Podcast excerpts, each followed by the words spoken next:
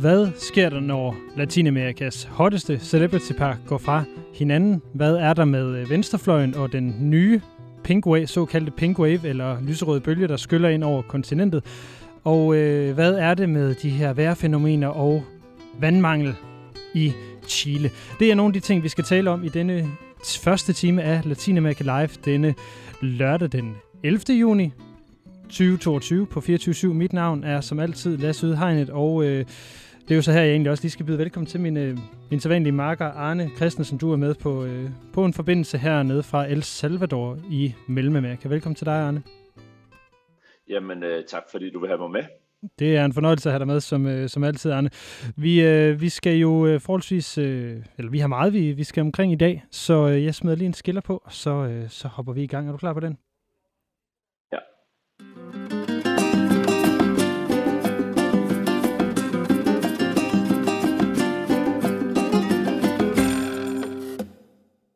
Arne, det er jo eftermiddag her, øh, her ved mig, og det er formiddag nede ved, øh, nede ved dig, så jeg, jeg tænker, du er på morgenkaffen, og jeg er på sådan en, øh, en stille eftermiddagsdrink. Øh, er, du, øh, er det, lyder det som en færre fordeling? Det er, det er lige præcis den færre fordeling, så du, jo, øh, du, du har jo spændt B-mennesket hårdt for her op tidligere at lave morgenradio om eftermiddagen i Danmark. Ja, men altså i, i min verden, så passer det jo perfekt til B-menneske her, at vi står lidt over fire og, og hvad hedder det, skal sende, øh, skal sende radio. Øhm, men ikke desto mindre, Arne, så, øh, så skal vi jo sådan lidt på café øh, lige lidt rundt omkring, hvad der er sket på det seneste, og øh, ja, altså jeg vil, jeg vil sådan set bare øh, sætte, øh, sætte stemningen for det ved at sætte et, et, stykke, øh, et kort stykke musik på, og så tænker jeg, at, øh, at du har en masse at sige på, på baggrund af det her lige øh, om, om to sekunder. Du får lov til at høre det her.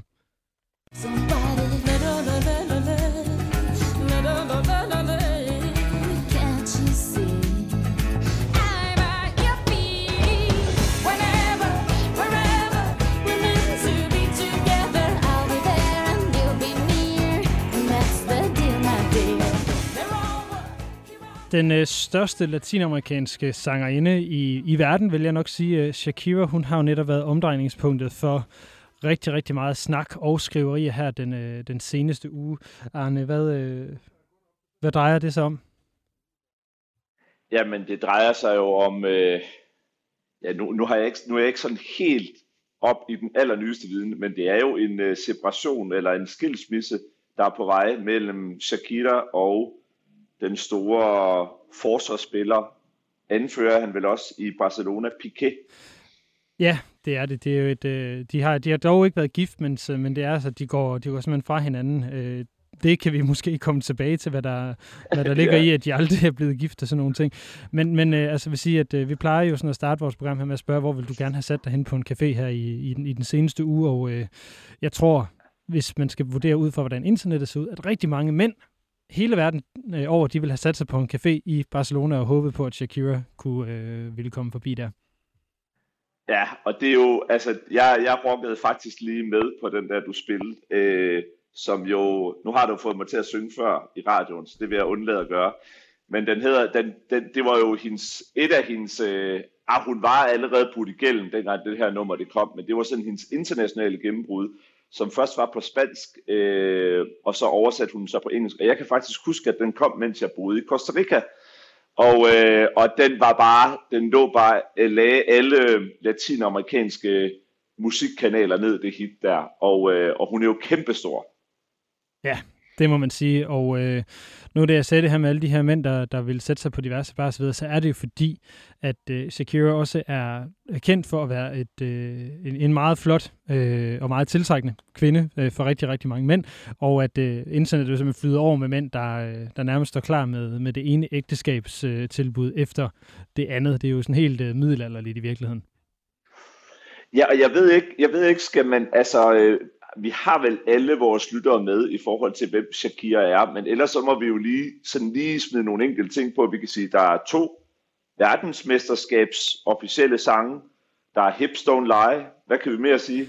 Ja, altså, Wherever, Whenever, som, som vi lige har hørt lidt fra, så er der uh, La Tortura, og så, uh, hvad kan vi sige, er det jo egentlig, og det er jo det, der bliver lidt af, måske har været lidt ærgerligt i forhold til det her, altså, hvordan verden har set på hende, at hun jo er blevet kommet til at stå sådan lidt i, er jo øh, kommet, ikke, jeg vil ikke sige stå i skyggen af Piquet, men hun er jo mere blevet Piquets øh, partner, synes jeg, her over, over de sidste 12 år, end hun ligesom har været sin egen superstjerne, fordi hun jo ligesom, hvad kan man sige, topper ved øh, VM 2010, hvor hende og Piquet øvrigt møder hinanden i det, til, til at indspille videoen til øh, det her Waka Waka-nummer, som, øh, som langt de fleste har hørt før. Ja, og, og jeg tror, man bliver nødt til, hvis, hvis man lige sådan siger, okay, hvorfor skal vi snakke om, om dem? Altså, vi er helt deroppe på Beckham Spice Girls, øh, eller nu har nogen måske siddet og lavet sig underholde med en retssag, der lige har været med, med Johnny Depp øh, og, og, og Viv i, i, i medierne. Men altså, det her det er et kæmpestort par. Øh, halvdelen af Latinamerika holder jo med Barcelona, den anden halvdel holder med Real Madrid, og, og Piqué har jo været der for altid. Og øh, mange øh, mange mænd øh, og kvinder selvfølgelig også er vokset op med Shakira. Hun, er, hun har været en rollemodel øh, for mange. Øh, hun er en, der blander sig. Øh, hun er en, der laver meget musik med andre kunstnere. Hun laver meget med Black Eyed Peas. Og så, så det, er, øh, det er virkelig et celebrity par, og det at de nu øh, ser ud til at skal gå fra hinanden, det, øh, det er simpelthen noget, der, der optager alle morgenbladene.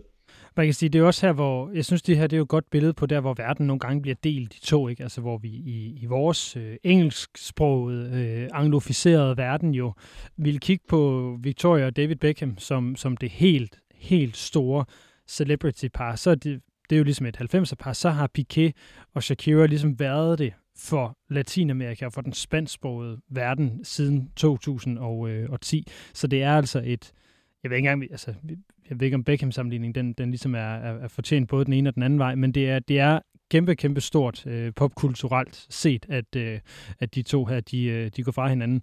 Øh, og det, som der ligger i det, det er jo, hvis man læser og, og tager, tager for gode varer, hvad der står i alle de her øh, slader og spalter osv., så, videre, så handler det jo om, at enten har Piqué været Shakira O2, hvilket skulle have skabt en del furore også på, på nettet, eller også så er der nu rygter om, at de har haft et øh, forholdsvis åbent forhold, fordi de jo netop ikke har været gift, og Shakira har været ude at sige til nogle medier for nogle år siden, at øh, ja, altså, vi skal jo ikke giftes, fordi at jeg kan jo godt lide at, lige at holde ham lidt på, på tæerne. Jeg gider ikke være hans kone, han skal ikke føle sig alt for sikker. Det er jo lidt spændende. Der er sådan et for, forbudt frugt over det, som hun, hun sagde til et medie for nogle år siden. Så der er nogle, nogle spændende ting i det, kan man sige. Ja, altså, jeg vil også lige sige, så er det jo også, altså det er jo ikke bare en i en kedelig fodboldspiller og i gåsøjne en kedelig sanger, som, som bare ser godt ud og er kendte. Altså det er jo også, Piqué blander sig også politisk, har en, en historik for det. Øh, Shakira er også en, der åbner munden over for forskellige ting, så det er jo, det er jo nogle folk, som, som, øh, som rager ind i nogle forskellige andre sfærer end, end kun deres fodbold, og så er de jo også, altså offentlig par på den måde, at de kommenterer hinanden på, på Instagram og Twitter. Øh, Piqué har deltaget i Shakiras videoer, og hun er altid med på stadion og roser, når han vinder noget. Så på den måde, så er de, øh, så er de vokset godt sammen. Ja, det er, det er sådan lidt et, lidt et power couple, sådan, som man gerne vil se. Det er sådan meget et glansbillede på, på den ene og på den anden måde. To smukke, succesrige mennesker, som, øh, som har fundet sammen, og som fejrer hinandens øh, succes og støtter hinanden, som, som altså går fra hinanden. Så det er et... Øh, nogle forbilleder, og et, øh, hvad kan vi sige, parmæssigt forbillede, som, som også falder sammen for, for den latinske verden i, øh, i, i det her tilfælde. Det må man sige. Og øh, hvad kan man sige, Arne, nu, øh, nu vil jeg jo så sædvanligvis spørge dig, hvor du så ville have, sat dig henne på, på en café, de har observeret det hele, men, men øh, jeg ved jo faktisk, at nu startede jeg med at sige, at du er med fra El Salvador, så du er faktisk engang hjemme i Tegucigalpa, hvor du bor til daglig. Øh, hvad laver du i, i El Salvador, havde jeg sagt? Jamen, jeg havde lige øh, lidt arbejde her i El Salvador, så jeg øh, tog bilen og, og kørte øh, de seks timer, det tager fra Tegucigalpa til San Salvador, og jeg kan hilse at sige, at det er den hurtigste grænsekrydsning, jeg har oplevet i lang tid. Ingen corona, ingenting. Det tog syv minutter, så var vi igennem. Så det var, det var positivt at se, at, at coronarestriktionerne, de er, de er væk. Og så, øh, så glæder jeg mig faktisk til at sætte mig ud på en café her til formiddag og få en kop kaffe. Så, øh, så og opleve lidt af, af San Salvador her, efter at øh, arbejdet det er færdigt, og det snart er weekend. Ja, altså du sendte mig et, øh, et lille lydklip fra et, øh, et marked. Skal jeg prøve at, at sætte det på? Ja, lad os gøre det.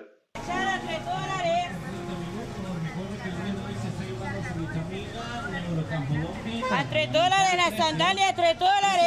13.25, ahora cancela 6.75. Llevando Sandalia panameña, 3 dólares.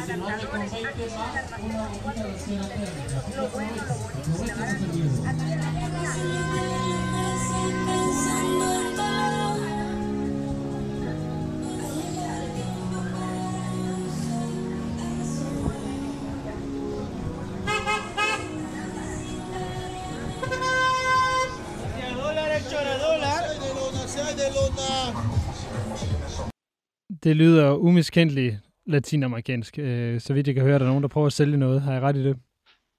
Ja, det er rigtigt. Vi er nede på, på markedet i San Salvador, og hun sender, hun, hun, øh, den første dame, vi hører, hun sælger øh, sandalias panameñas, altså panama, pa, panamanske sandalier. Jeg ved ikke hvordan man siger det på dansk. Jeg tror, man vil sige Panama, altså, Panama, øh, klipklapper. Panama, Panama sandaler. Ja. Ja, præcis. Tak skal du have. Men, øh, men grunden til, at jeg tog det her med, det er jo fordi, du kan godt høre, Lasse, hun vil jo have 3 dollars for de her klipklapper. Og øh, hvad er det, vi har lært at kende El Salvador på det seneste? Det Ja, ved du godt. Ja, det er jo i hvert fald ikke dollars. øh, Det er jo øh, kryptovalutaen bitcoin, som øh, præsidenten Nayib Bukele, han, øh, han har gjort til officiel valuta i, øh, i El Salvador. Og det er jo altså en præsident, som øh, både kalder sig verdens sejeste diktator og øh, CEO for øh, El Salvador. Og, og, og, ja, og det er jo rigtigt. og øh, for dem, der ikke følger ham på Instagram, TikTok osv., så, så øh, kan vi da godt sende en opfordring, for han er kigvær. Han er virkelig en, der forstår at og, øh, positionere sig, portrættere sig selv på de sociale medier. Han er en, han er en rigtig showman. Øh, Det må man skal sige. Altså, undskyld, fra. jeg, jeg lige afbryder dig, Arne, men det er jo sådan, at, at øh, han er jo kendt for altså, både at sende militæret mod kongressen og, og lave nogle ret voldsomme ting i forhold til at rydde op øh, i, i bandeli, bandemiljøet, øh, uden sådan egentlig at have det rets, retslige øh, på, på, på, på sin side. Men ikke desto mindre, så virker han jo, når man ser ham udefra, både cool og handlekraftig og ungdomlig og, og faktisk også visionær, hvis jeg, hvis jeg skal svinge mig helt op. Ja, og det vil jeg også sige, øh, det vil jeg også sige, at, at han er, altså, at jeg skal ikke tage noget fra nogle af de gode ting, han har lavet, men det, som ligesom var, var interessant for mig øh, lige på det her, den her uges besøg, jeg har været her, øh, og jeg bor som sagt lige ved siden af i nabolandet, så det er jo sådan Norge-Sverige-agtigt.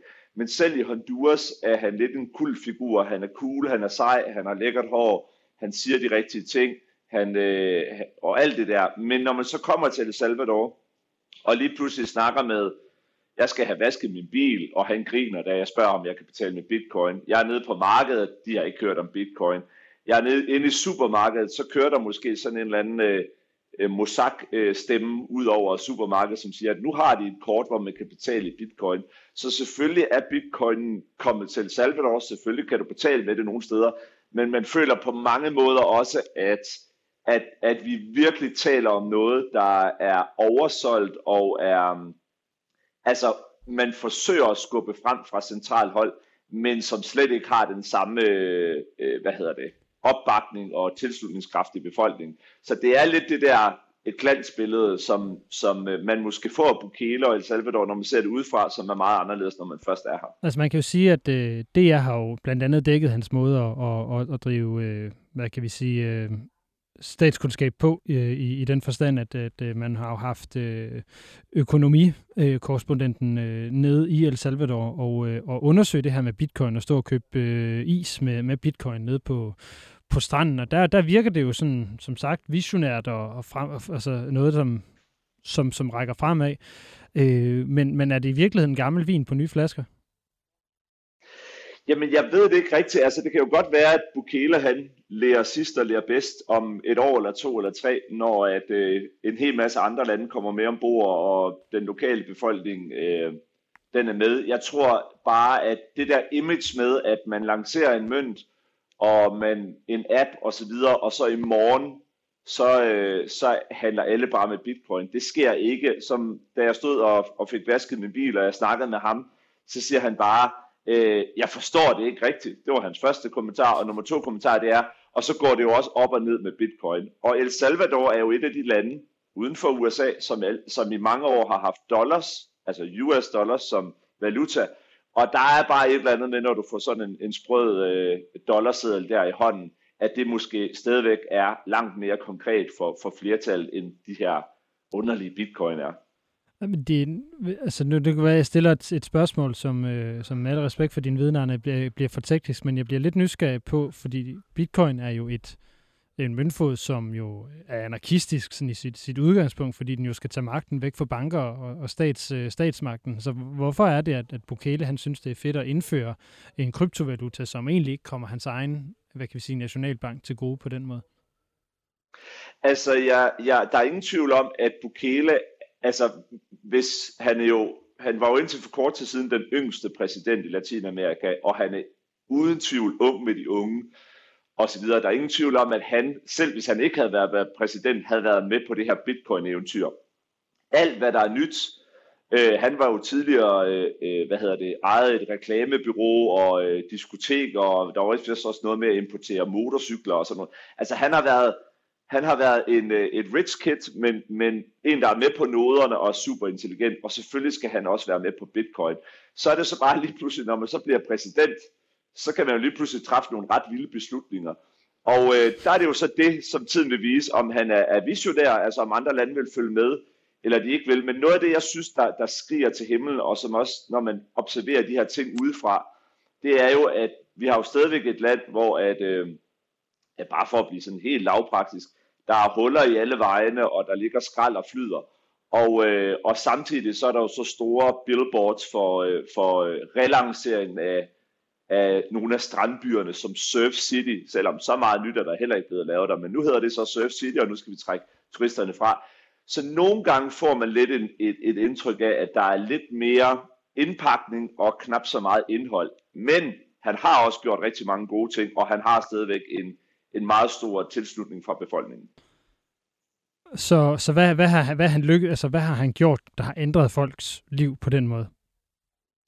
Jamen altså, hvis vi tager det helt aktuelle nu, så har han jo øh, erklæret undtagelsestilstand øh, i, i en vis grad undtagelsestilstand i landet, for simpelthen at fange og fængsle alle de her bander, som mange nok associerer med El Salvador, altså dem, som man ofte ser med tatoveringer i hovedet osv., øh, som er lidt et fænomen øh, i El Salvador i Mellemamerika, men dem har han simpelthen gået hårdt imod og fået, og fået fængslet, jeg tror vi er oppe på omkring 20.000 man anslår vist, at der er omkring 70.000 i alt bander, men nogen sidder allerede fængslet. Der har han fået fængslet.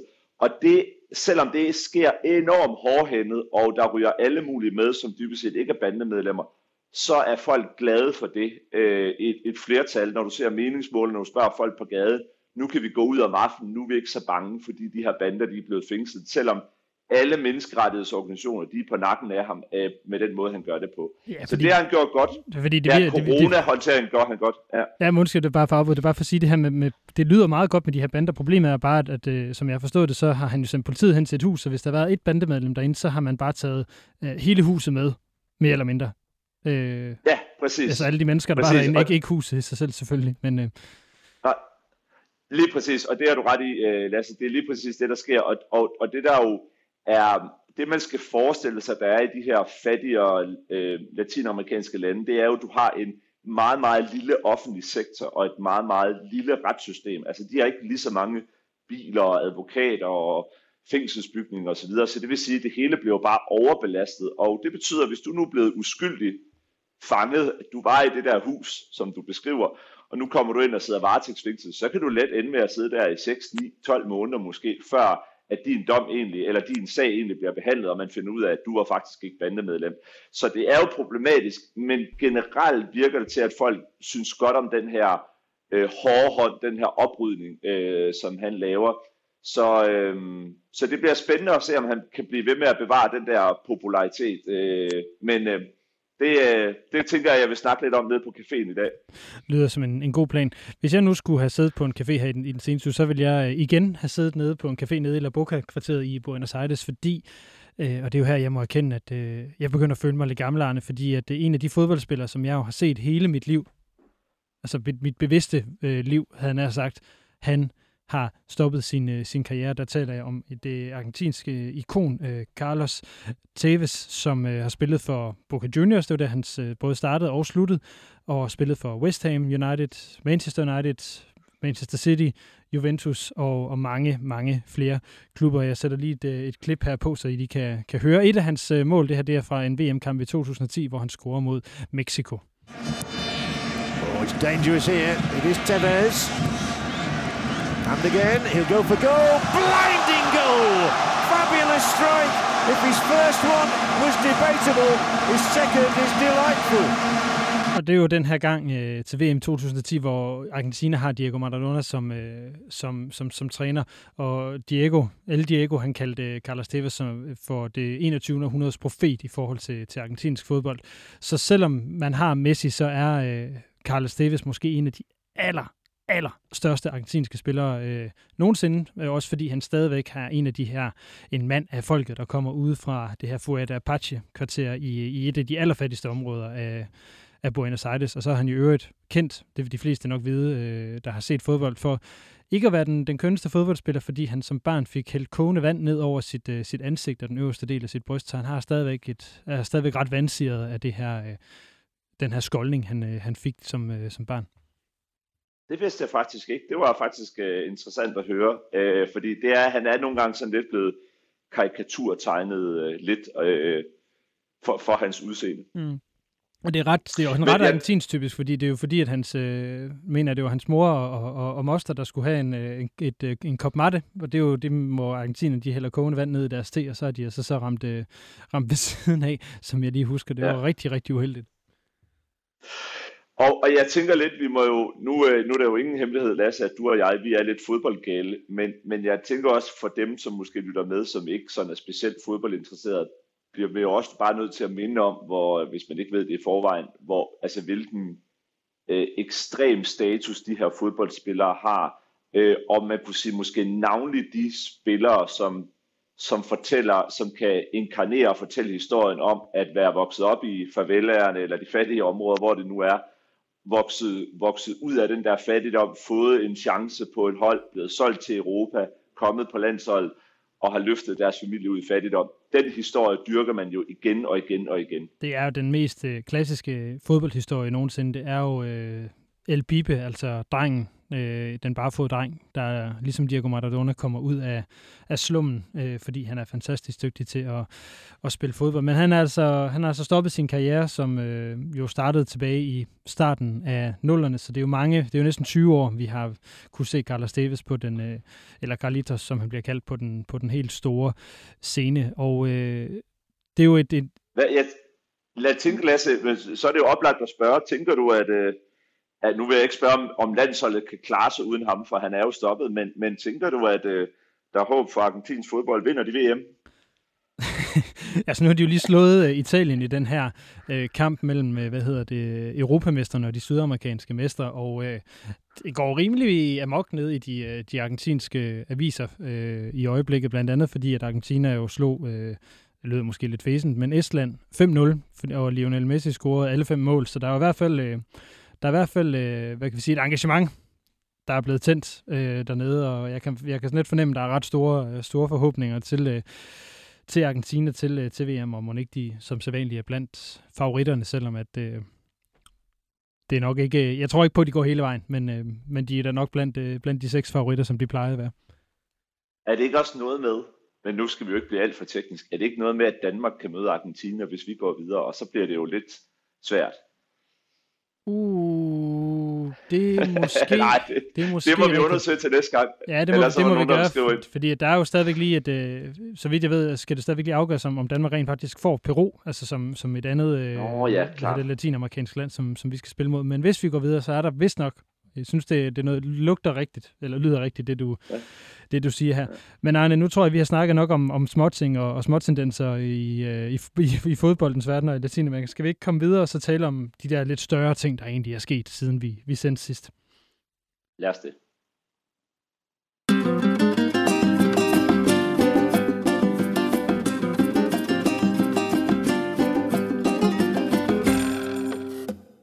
Fordi, Arne, du har jo sagt til mig, at du gerne vil tale om vand. Øh, er det, yeah. er, hvad, er det, hvad er det for noget vand, vi skal tale om? Er det, er det saltvand? Er det regnvand? Øh, flodvand? Dansk vand? Jamen altså, det, ja, det, blev, det er jo blevet foranledet i dag, at, øh, at, at igen, igen, igen var der en nyhed om, øh, om vandmangel, water shortage i, i, øh, og tørke i Chile. Øh, og jeg tror lidt, øh, øh, da du gjorde mig opmærksom på, at nu var den nyhed igen, så tænkte jeg sådan lidt, okay, men den har vi da set mange gange.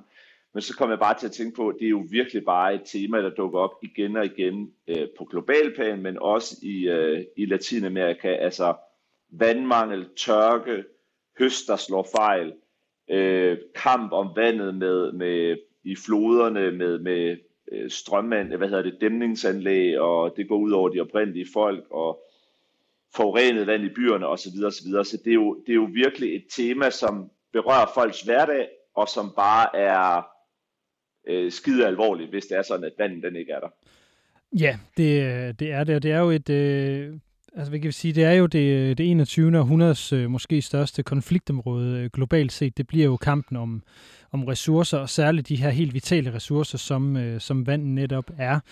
Øh, og der er meget, der ligesom har fokus i øjeblikket på, øh, på adgangen til vand, særligt i, øh, i Latinamerika, hvor vi blandt andet netop kan tale om de her oprindelige folk, som lever på højsletterne i, øh, i Bolivia og i Chile og i Peru, øh, som nogen, der lider under det. Og så er der selvfølgelig hele, hvad kan man sige, det man kalder den, øh, den tørre korridor, som løber op gennem øh, det meste af, af, af Mellemamerika, hvor du, øh, hvor du bor, med Arne, øh, som påvirker selv det mest, øh, hvad kan vi sige, regnvåde land i Mellemamerika, nemlig Costa Rica. Ja, altså det er jo, det, det kunne man jo godt starte. Altså det er jo et land, som faktisk er, vi kommer jo tilbage til, som regel når vi kommer tilbage til Costa Rica, snakker vi om, at det er en darling, altså klimadarling, de gør det godt. De har, er verdensmester i genskovning og har fået plantet alle mulige træer op efter at være et, et primært kvægdrivende, eller kvæg, hvad hedder sådan noget, avlende land. Mm-hmm. Øh, men stadigvæk er der nogle områder, som i en blanding af, at de ligger i den her tørre korridor, samtidig med, at der er en stigende turisme, Øh, og øh, man skal også huske at, at snakke om rigtig dårlige systemer til vandopsamling. Jamen så bliver der simpelthen en, en kamp om de her vandressourcer i de små lokale vandværk mod for eksempel øh, de her store øh, huse, der dukker op med, øh, med øh, dybe swimmingpools øh, til, øh, til de amerikanske og kanadiske turister, og hvem der ellers køber store luksusvillager der. Ja, det er jo, det synes jeg er noget af det mest, mest paradoxale. Det er jo netop, at de her, øh, altså at, at byggerier af, af swimmingpools faktisk er en, øh, en trussel mod, øh, hvad kan vi sige, mod øh, vandmængderne eller vand, vandtilgængeligheden i, i et mellemamerikansk land. Det, det tyder på, at vi skal holde op med at rejse, eller i hvert fald forvente, at vi skal ligge ved en pool, bare fordi vi rejser til, ja. øh, til et varmt land jeg, jeg tænker hele tiden, det, altså nu, nu, øh, da jeg selv skulle forberede mig på det her emne, at det er jo ingen tvivl om, at klimaforandringer gør noget. Altså, vi har øh, længere perioder, hvor det er tørt i, i tørkeperioden, og så regner det måske mere i, i øh, der er mere voldsomt vejr og orkaner, når det regner. Men, men et stort del af problemet er jo også øh, de her lav mellemindkomstlande, at man ikke er så god til at få opsamlet vandet, Øh, de systemer, man så har til at opsamle vandet, er utætte, det vil sige, at der er en hel masse spild. Og så snakker vi også om, at det er lande, som har både set en stigende altså, øh, øh, befolkningstilvækst og også en stigende urbanisering. Og det vil sige, at flere og flere folk koncentrerer sig om byen, øh, og det er så der, vandmanglen kommer. For eksempel der, hvor jeg bor til daglig i Tegucigalpa, øh, som ligger relativt højt og har ret dårlige vandmængder, øh, vandopsamling jamen hvis du øh, selv i, i øvre klasse øh, byområder, der kan det altså sagtens være sådan, at der kun er rindende vand en gang om ugen. Men forskellen er så i de rige kvarterer, så fylder man vandtanken op i sit hus, og så har man nok. Mens at hvis du er ude i de fattige områder, jamen så kommer der en eller anden øh, tankbil, ligesom en benzintankbil, men med vand, og fylder, fylder din tank op. Og det vil sige, at det er ikke unormalt, at man i de fattige områder kun har vand måske, øh, at den her tankbil kommer, eller vand i røren hver, hver anden, tredje, fjerde uge. Øh, så det er et kæmpe problem.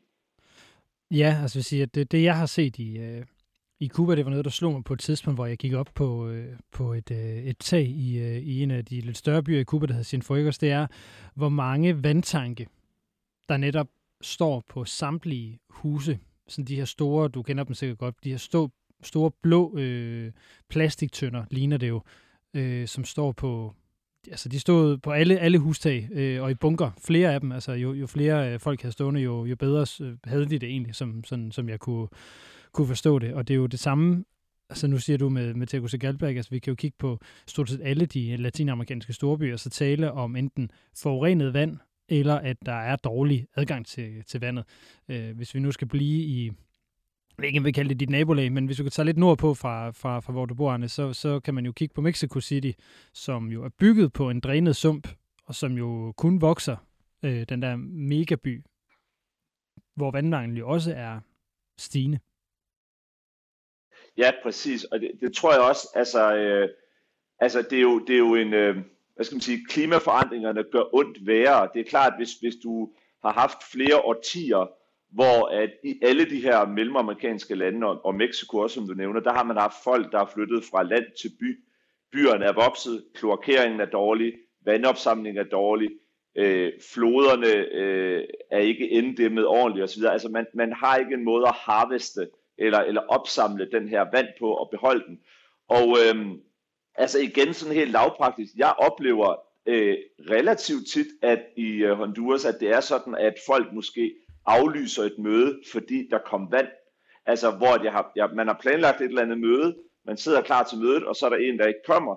Og så spørger man om, hvorfor er Maria eller Nielsen ikke kommet? Jamen, det er jo fordi, øh, de har fået vand i dag. Altså med andre ord, øh, der blev åbnet for, for rørene, altså i vandhanen, eller den her vandtankbil kommer. Og det vil sige, nu skal de sørge for at få vasket tøj, nu skal de sørge for at få fyldt alle tankene op, og så videre, mens vandet det løber, sådan at man men får fyldt op. Og prøv at forestille dig, at sådan en basis ting går ind og, og bestemmer din hverdag. Det er, jo, det, er jo, øh, det er jo en menneskeret at have adgang til vand, og det er bare ikke tilfældet for millioner af mennesker i Latinamerika. Nej, og det er jo så der, hvor vi, hvis vi nu skal kigge på det sådan lidt mere med de danske øjne, og så sige, men hvad er det, vi i Danmark har fra Latinamerika, som er meget, meget afhængig af vand? Altså, det, det lyder jo lidt hårdt at sige, men nu taler vi om mennesker og livsvilkår og sådan noget, men altså, desværre er det jo sådan, at vi nemt kan høre om, hvor forfærdeligt det er i tredje verdenslande, og så, øh, eller anden verdenslande, og så, øh, så glemmer man lidt, hvor, øh, hvor, hvor slemt det var. Fordi det, der jo betyder noget for mig, hvis jeg nu sådan skal være rigtig grov, ikke Arne? Det er jo, hvor meget min avocado fra Chile, den koster. ja, præcis. Og skal du også have en argentinsk bøf og en chilensk rødvin til, så går det jo helt galt. Altså, men du har ret i, at avocadoerne, det er jo, øh, ja, vi skal jo næsten dedikere et helt program til det, men det er jo virkelig en, en sønder i forhold til al den mængde øh, vand, som avocadoen har brug for. Øh, kræver utrolig og vi har selv nævnt, mange mængder ja, vand. Jeg, jeg, jeg, det siger bare, ja. at avocadoen kræver utrolig mange mængder vand. Og jeg kan ikke huske, hvordan det var helt specifikt i, i, i Chile, men jeg mener, der var på et tidspunkt, hvor, hvor man simpelthen altså, manglede vand i flere byer, fordi man prioriterede det til avocadohøst. Det kan godt være, jeg overdriver det nu, men ja. der var et eller andet, der var helt, helt ved siden af i forhold til den der fordeling.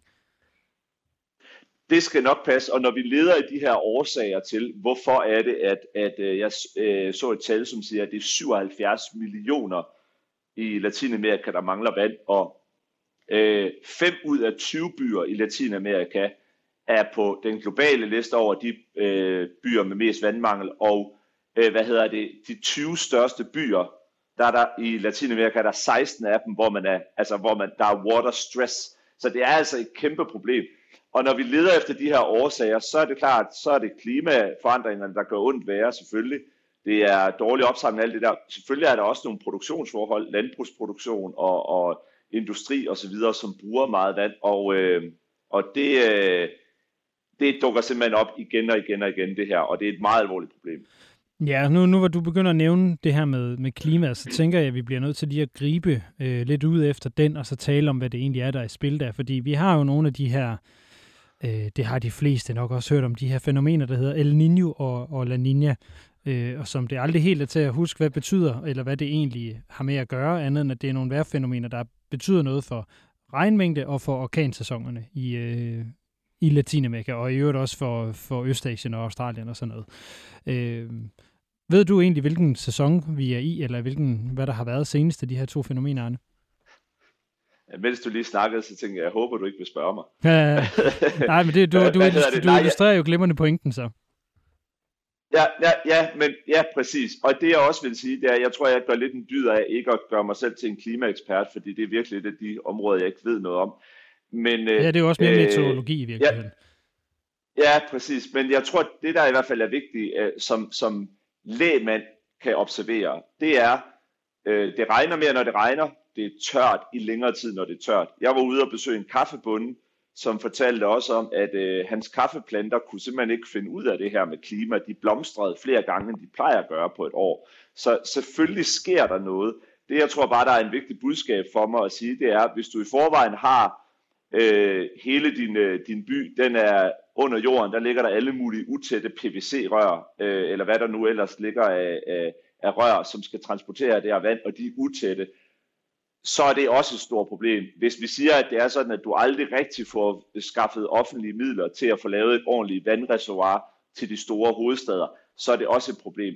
Så, så er det jo så klart, når det lige pludselig så, at klimaet spiller ind, øh, så, betyder, så betyder det noget. Det er lidt ligesom man kan sige, når vi snakker om, at der er klimaflygtninge fra Mellemamerika. Ja, det er rigtigt, at der er folk, der pakker rygsækken og begiver sig op nordpå til USA, fordi at at øh, de måske ikke kan afle det, som de plejede på jorden. Men den primære grund er stadigvæk, at de ikke har økonomiske muligheder, eller at der er, øh, der er vold og utryghed, og det er det, der får dem til at, øh, at tage afsted. Ja, så som nu, nu nævner du netop det her med, at, at øh, observerer de her øh, forandringer i, øh, i klimaet. Så bare lige for at gå tilbage til det lidt mere tekniske igen, fordi nu har jeg faktisk læst op på det, så nu vil jeg gerne lige øh, smide det, Godt det i spil. Øh, fordi det har nemlig sidste år været det, som man kalder et, et, et, et La Nina-år, og det betyder sådan helt, øh, helt grundlæggende, at, hvad hedder det, øh, øh, at øh, det varme vand har flyttet sig væk fra, øh, fra Sydamerika, og så i, i Stillehavet er, flyttet, øh, hvad kan vi sige, vestpå over til, øh, til Asien. Og det betyder, at det varme vand er derover, og det giver rigtig, rigtig meget øh, regn i øh, det østlige Asien, altså i Indonesien og Filippinerne og Australien. Og så øh, betyder det, at der er forholdsvis tørt øh, ned over Mellemamerika, men at det til gengæld regner rigtig meget i, i Brasilien.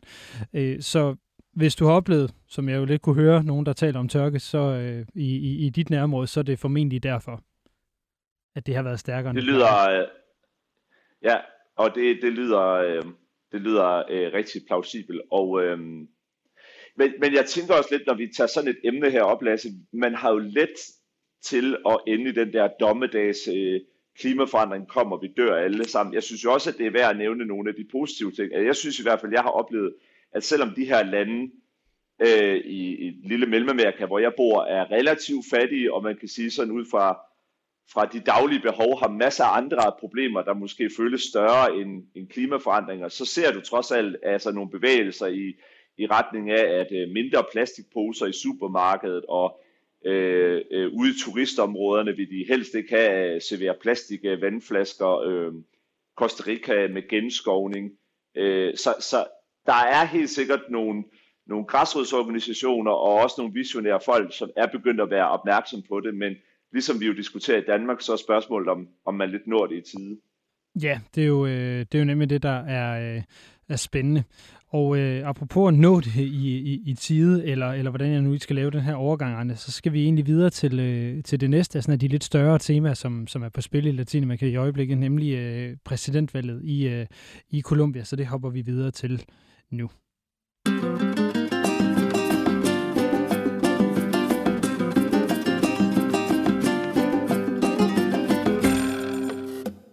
Fordi øh, jeg ved ikke, om du har fulgt med i, i præsidentvalget i Colombia? Der er mange valg i Latinamerika i år. Øh, det, er ikke, det har ikke været et af de lande, jeg har fulgt øh, tættest, det må jeg indrømme, men, øh, men det er jo svært at undgå. Ja, hvad, hvad mener du? Ja, altså, man kan sige, et af de vigtigste lande i regionen, med den historik, der har været, jeg tænker også især på den her, altså, hvor lang tid er det ved at være siden, at vi havde demonstrationer og, og øh, konfrontationer i, i Colombia. Det er jo tydeligt, at, at folk de gerne vil have en forandring. Folk vil gerne se, at der sker noget nyt. Vi er igen også på bagkanten af, af corona, hvor at mange er blevet arbejdsløse, så de er nok ude at love en hel del ting i præsidentvalget i Colombia.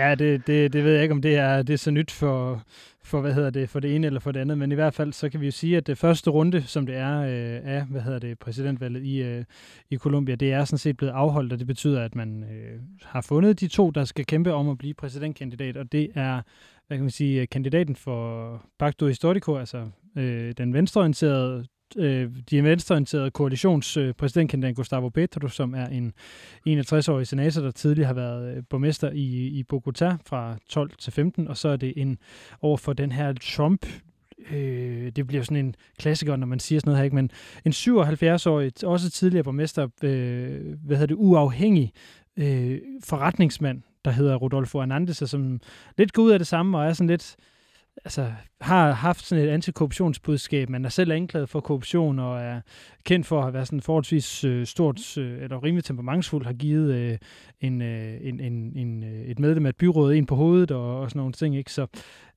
sådan lidt en, øh, en, en speciel type, der ligesom er, er over for hinanden. Og øh, Gustavo Petro, hvis vi skal lige vende ham, han er jo den venstreorienterede. Han har tidligere også stillet op til præsidentvalget, hvor han aldrig har vundet, fordi han simpelthen er øh, ud fra sådan den klassiske højre-venstre øh, linje, alt, alt, alt, alt for venstre. Han er også tidligere M19 øh, guerilla, så altså en af dem, der har været ude i, i junglen og kæmpe mod den, den kolumbianske stat. Så mit oplagte spørgsmål, øh, nu når du har, har, har sat dig ind i det, Lasse, bliver det så øh, den kolumbianske Bernie eller den kolumbianske Trump, der vinder? Ja, det er jo et, øh, et rigtig, rigtig, rigtig godt øh, spørgsmål. Altså... Jeg synes, jeg læste noget med, at, at, øh, at vores øh, venstreorienterede kandidat, øh, Gustavo, han var, han var foran i meningsmålingerne nu. Ja, han, altså, man kan sige, Gustavo han fik 41 procent af stemmerne i første runde, og, og øh, hvad hedder det, øh, Rodolfo Hernandez han fik 27 procent, så der er jo en ret tydelig forskel der. Spørgsmålet er jo så netop, hvad der kommer til at ske, når de her to forholdsvis øh, ekstremer, de kommer over for hinanden, og hvad det er, kolumbianerne er interesseret i, om det er den her øh, venstre kandidat, eller om det er den her anti-establishment-kandidat. Altså det er jo lidt nogle, nogle tidstypiske arketyper, vi har stående over for hinanden i det her valg i virkeligheden. Den venstreorienterede og så anti-establishment-kandidaten, det har vi jo set, uh, set før, også i Latinamerika. Ja, og jeg tænkte lidt, øh, da, da, da vi snakkede om, øh, om, om at skulle snakke om det kolumbianske valg, så måtte jeg jo selv som en, der bor i regionen og, og synes, det sådan fylder, fylder gennemsnitligt meget med, sige, huha, jeg er ikke, lige, jeg er ikke helt, lige helt ops på, hvad der er på spil. Men hvis man skulle løfte lidt op, og sådan få folk, der måske mere betragter regionen som sådan bredt set, så er der jo ingen tvivl om, at, at, at lige nu øh, har der været en, en, en god håndfuld valg, hvor vi er gået fra et mere konservativt, øh, højorienteret øh, parti øh, styre, og så nu til et, et, et centrum eller centrum venstre. Og på den måde, så kan man sige, hvis vi får en, en venstreorienteret sejr i Colombia, Lasse, så kan vi vel godt sige, at det får jeg lidt ekstra til det der med at snakke om en, en tendens og en, en ny venstredrejning i Latinamerika, eller hvad tænker du? Jo, men det kan det da helt sikkert. Altså, man kan sige, at øh, man havde en øh, tilbage i nullerne, øh, sådan på baggrund af, af Hugo Chavez øh, magtovertagelse i Venezuela, havde man sådan en over en, en 6-7 år, det man kalder the pink wave, eller the pink tide, altså en, en, en øh, sådan, sådan som venstre flodbølge, der skyllede ind over Latinamerika i, i, i øh, i Chile, i Bolivia, i øh, Brasilien, i Ecuador og, og, og som sagt også i, i Venezuela. Og nu begynder vi at have lidt af det samme, det, og det startede egentlig allerede for, hvad kan vi sige, for en fire år siden med, med øh, hvad hedder det, Andres øh, Manuel López øh, Obrador, altså AMLO-præsidenten i Mexico, der vinder i 2018, så i Argentina med Alberto Fernandez i 19, øh, Boliv igen Bolivias præsident Luis Arce i øh, 2020, og øh, så den her peruvianske præsident Pedro Castillo øh, og øh, hvad hedder det, den helt unge øh, chilenske præsident Gabriel Boric i, i 2021, og nu altså måske Gustavo Petro i, øh, i Colombia. Øh, det, der er problemet, kan man sige, med alle de her øh, venstreorienterede øh, kandidater eller præsidenter, det er, at vi ikke rigtig ved, hvilken venstrefløj de nødvendigvis tilhører. Og det er det, der bliver det helt store spørgsmål. Okay, så nu siger du, hvilken Altså, vi, vi, har jo, vi må indrømme også for folk, der lyttede med, altså vi har jo diskuteret det her med højre-venstre fløj i, øh, i Latinamerika ret mange gange, og det er jo, jeg, jeg er lidt træt af det nogle gange, fordi det er jo sådan en klassisk, øh, øh, hvad hedder det, bipolar eller, eller, eller modsætnings øh, gryde, man falder ned i, hvor man enten kan være højreorienteret eller venstreorienteret. Men, men nu lyder det lidt til, at du, øh, du bryder venstre, øh, den venstreorienterede del sådan lidt op i nogle flere delsektioner. Ja, så altså, hvis du skal prøve at gøre det, gøre det kort, så det ikke bliver sådan en, en overvældende analyse her i de, øh, i de 10 minutter, vi har tilbage af udsendelsen. Men der, hvis, vi, hvis vi tillader os at tage det standpunkt, at der er tre venstrefløje, så kan vi starte med den første, og så den mest ekstreme, det er dem, der er endt med at være diktatur. Det er Cuba under selvfølgelig Castro-brødrene, men, men i moderne form, i form af Diaz-Canel, så er det Nicaragua med øh, Daniel Ortega, og så er det Venezuela med Nicolas øh, Maduro, som, som ligesom er hvad kan vi sige, resten af den her meget ideologiske, øh, kommunistiske skal venstrefløj, men også den, som jo er diktatorisk på, øh, på mange måder. Øh, den anden kategori, det er jo så ligesom dem, som, hvad skal vi sige, har en, en mere sådan socialdemokratisk øh, drejning, altså mere centrum venstre. Og det er jo sådan en som, hvad hedder det, øh, Gabriel Boric i, øh, i, i Chile, selvom han også står på, på nogle af, af de her meget øh, venstreorienterede øh, hvad kan man sige, partier i form af Kommunistpartiet og, og det, hvad hedder det oprindelige folks øh, Mapuche-bevægelse. Øh, øh, og det er lidt det samme, man kan sige, hvis, hvis præsident Lula han bliver genvalgt i Brasilien. Det er jo et, et andet meget, meget vigtigt valg, vi har i, uh, i Latinamerika her i, i efteråret. Det er også den her lidt mere socialdemokratiske retning. Det samme gælder Alberto Fernandes nede i, uh, i hvad hedder det, uh, i Argentina. Og så den tredje? Eller ja. hvad? Eller, ja. hvad? eller? Nå, ja, men det er jo, det, er, det, altså, der er der forskellige udgaver af det, og så er det jo så der, hvor vi netop kommer ja. ned til den, øh, så det, vi skulle lige nævne Bolivia i, øh, i det her. Øh. Men, men hvis jeg så lige må, hvad hedder det, fordi jeg synes jo, at, at øhm, nogle gange, når vi skal, vi skal karakterisere politiske partier og forskellige regimer, så ved vi, at vi kan gribe ned i den her højre-venstre skala. Og det er den, jeg nogle gange synes kommer, kommer lidt til kort, fordi hvis man nu skulle tage sådan et øh, demokrati, øh, korruptionsfokus, så er der desværre nogle ting, der tyder på, at det ikke nødvendigvis betyder øh, et, et plus, for eksempel for bekæmpelsen af korruption, som Latinamerika jo desværre også er kendt for, at der nødvendigvis er et skifte fra højre til venstre. Så øh, hvis ja, jeg nu, nu skulle tale tage... for min egen lille... Ja, det var ja, det, jeg skulle til ja. at sige. Nu kan vi jo netop bruge dit eget, øh, dit eget øh, hjemland i godsøjne, hvad hedder det, som, som eksempel i Honduras med Xiomara Castro, som er venstreorienteret, men... Ja, Ja, men lige præcis, fordi at, at det er jo den røde farve og øh, de, de øh, venstreorienterede slagsange og, og, og, og det hele den der øh, anti-Yankee, anti øh, øh altså USA-retorik osv. Og der er ingen tvivl om, at Xiomara i Lille Honduras var et nødvendigt skifte efter mange, mange år. Men altså, når man så ser på, hvem der er blevet ansat i regeringen, så er der en udpræget nepotisme i forhold til, at det er familiemedlemmer og venner. Øh, der er også det her, som desværre er lidt kendetegnende i, i, i lavindkomstfattige lande, at du bliver ikke ansat i en høj offentlig stilling på dine meritter. Det gør du i forhold til, hvilket parti du tilhører, eller, eller hvem, hvem du venner med. Øh, nu grov generaliserer jeg en lille smule. Og det betyder bare, at når jeg har diskuteret med mine venner, så siger de, ja, men nepotisme, det er jo ikke sådan rigtig korruption. Nej, nej, men, øh, men, men det er dog derhen af, må man sige. ja, det, øh, så hvad hedder det? Så, så det, der er i det der, det er, at man kan sige, at, at, at før vi måske kalder Maduros øh, regime i Venezuela for, for højre, venstre, whatever, så kan vi måske sige, at måske er det først og fremmest øh, klientelistisk, kleptokratisk, korrupt, øh, og så kan vi begynde at se på det. Der findes jo alle de her indekser, der kommer ud, øh, demokratiindeks og fragile state index og korruptionindekser, og der er det ikke altid sådan, at man nødvendigvis kan sige, at bare fordi vi får et skifte, så går det fremad. Øh, og det er jo også fordi, de Nej, kriminelle lige, lige præcis. bagmænd, de spiller på begge heste. Ja. Det er jo nemlig det, men det næste, jeg vil sige i forhold til det, det er fordi, det, vi skal lige have det tredje perspektiv med, det er jo den her øh, venstrefløj, som, som jo egentlig angriber de demokratiske institutioner og lidt undergraver nogle af de lande, som de er, de er leder for. Det gælder jo Pedro Castillo i Peru. Det gælder delvis Luis Arce der i, i, øh, i, i øh, Bolivia, og så gælder det jo i særdeleshed AMLO i, øh, i Mexico, som jo også er ved at udføre nogle af de der trumpske, bolsonaroske vil sige, udfordringer af øh, højesteret og, og så videre, øh, som man lader lidt, lidt hånd om, de her demokratiske institutioner.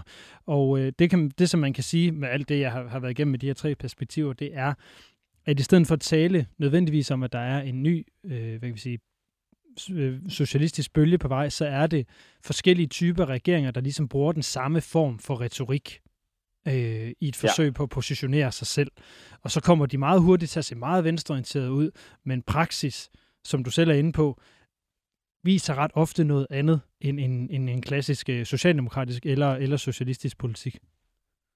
Ja, og derfor kunne der jo være en opfordring til, øh, egentlig til os selv, men også den måde, man taler om det på, og, og måske nogle gange droppe den der skide højre venstre og, og, og, og tale om nogle andre ting. For eksempel, hvordan bliver den frie presse behandlet?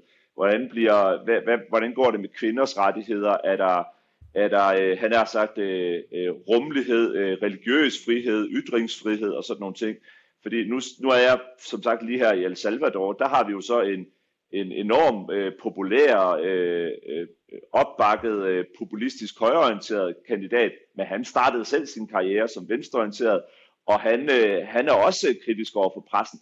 Så der er det der med, at nogle gange så føler man lidt, at, at, øh, at der, er flere, øh, der er flere lighedspunkter end forskelligheder, og der er jo også mange af de her venstreorienterede folk, som selvom de måske øh, klæder sig ind i en eller anden diskurs om, at de er folket, så er det ofte folk, der tilhører den absolute elite. Øh, så, så, så meget græsrødder er de måske heller ikke altid, dem der, der er i de partier.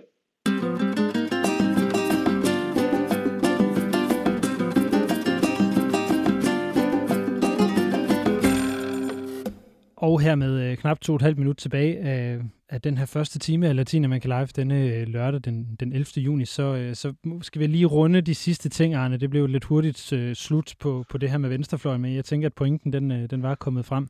Øh, vi skal bare lige hurtigt lige nævne, hvad, hvad vil vi prøve at se, øh, se frem til, eller ellers holde øje med her i den kommende tid? Jeg har hørt i hvert fald et rygte om, at du skal til noget beauty contest i Cuba. Er det rigtigt? ja, jeg skulle, han har sagt, at jeg vil ønske, at skulle, fordi Cuba for første gang i næsten 50 år øh, stiller op i øh, diverse skønhedskonkurrencer, om det er en revolutionær socialistisk ting, at man ikke har ville stille op i det, det, øh, det er jeg faktisk ikke helt klar over. Men for første gang i ja, næsten 50 år, så stiller Cuba altså op i uh, Miss uh, Supranational, uh, Miss Grand International og Mr. Supranational, og det, uh, det er i hvert fald noget, der fylder lidt i den, uh, den kulørte presse. Uh, om jeg skal til det, det, uh, det tror jeg lige, jeg skal snakke med, uh, med nogen derhjemme om uh, i, i første omgang. Men så kan jeg gøre det meget kort og sige, at, at jeg tror, at det, jeg skal bruge weekenden på her og, og de næste par dage, det er at se Biden få buksevand til Americans øh, Summit. Der er jo et stort møde for alle landene i Syd- og Mellemamerika, Latinamerika, øh, op i USA lige nu, og det synes lidt at blive en fiasko, fordi der simpelthen er så mange, der ikke, er, der ikke har taget imod Bidens invitation til at komme til det møde. Så han viser lidt, at han ikke har så meget, øh, kan, så meget magt måske at kan håndtere Latinamerika så godt som USA måske kunne engang. Der er i hvert fald et, øh, nogle tegn på, at Latinamerika ikke nødvendigvis vil lade sig trumfe af USA, eller bare danse efter, efter den, øh, den nordamerikanske pibe, sådan som man, øh, man måske har gjort, øh, har gjort tidligere. Det er jo også noget af det, vi har set i løbet af den her konflikt mellem Ukraine og Rusland, at de, mange af de latinamerikanske lande, de har været så lidt ved at tage stilling, fordi både Rusland og Kina og andre lande, de jo også har stor interesse på spil i, øh, i Latinamerika. Perfekt. Jamen, så må vi jo følge op i næste uge og se, om Cuba vandt skønhedskonkurrencen, og om Biden han er blevet hængt til tørre. Ja, jeg troede ikke, at Latinamerika havde vand nok til at hænge ham til, til at give ham buksevand, men det må vi jo se på. Øh, hvad hedder det? Jeg vil lige rette, det er altså først om 14 dage, vi er tilbage øh, den 25. juni med, ah, ja. med mere Latinamerika Live. Arne, tusind tak for, at du igen var med på en forbindelse fra Mellemamerika. Øh, I lige måde, og øh, god weekend til dig. Og i lige måde. Og så er det tid til, at vi lægger over til nyhederne her på 24 Klokken er 17.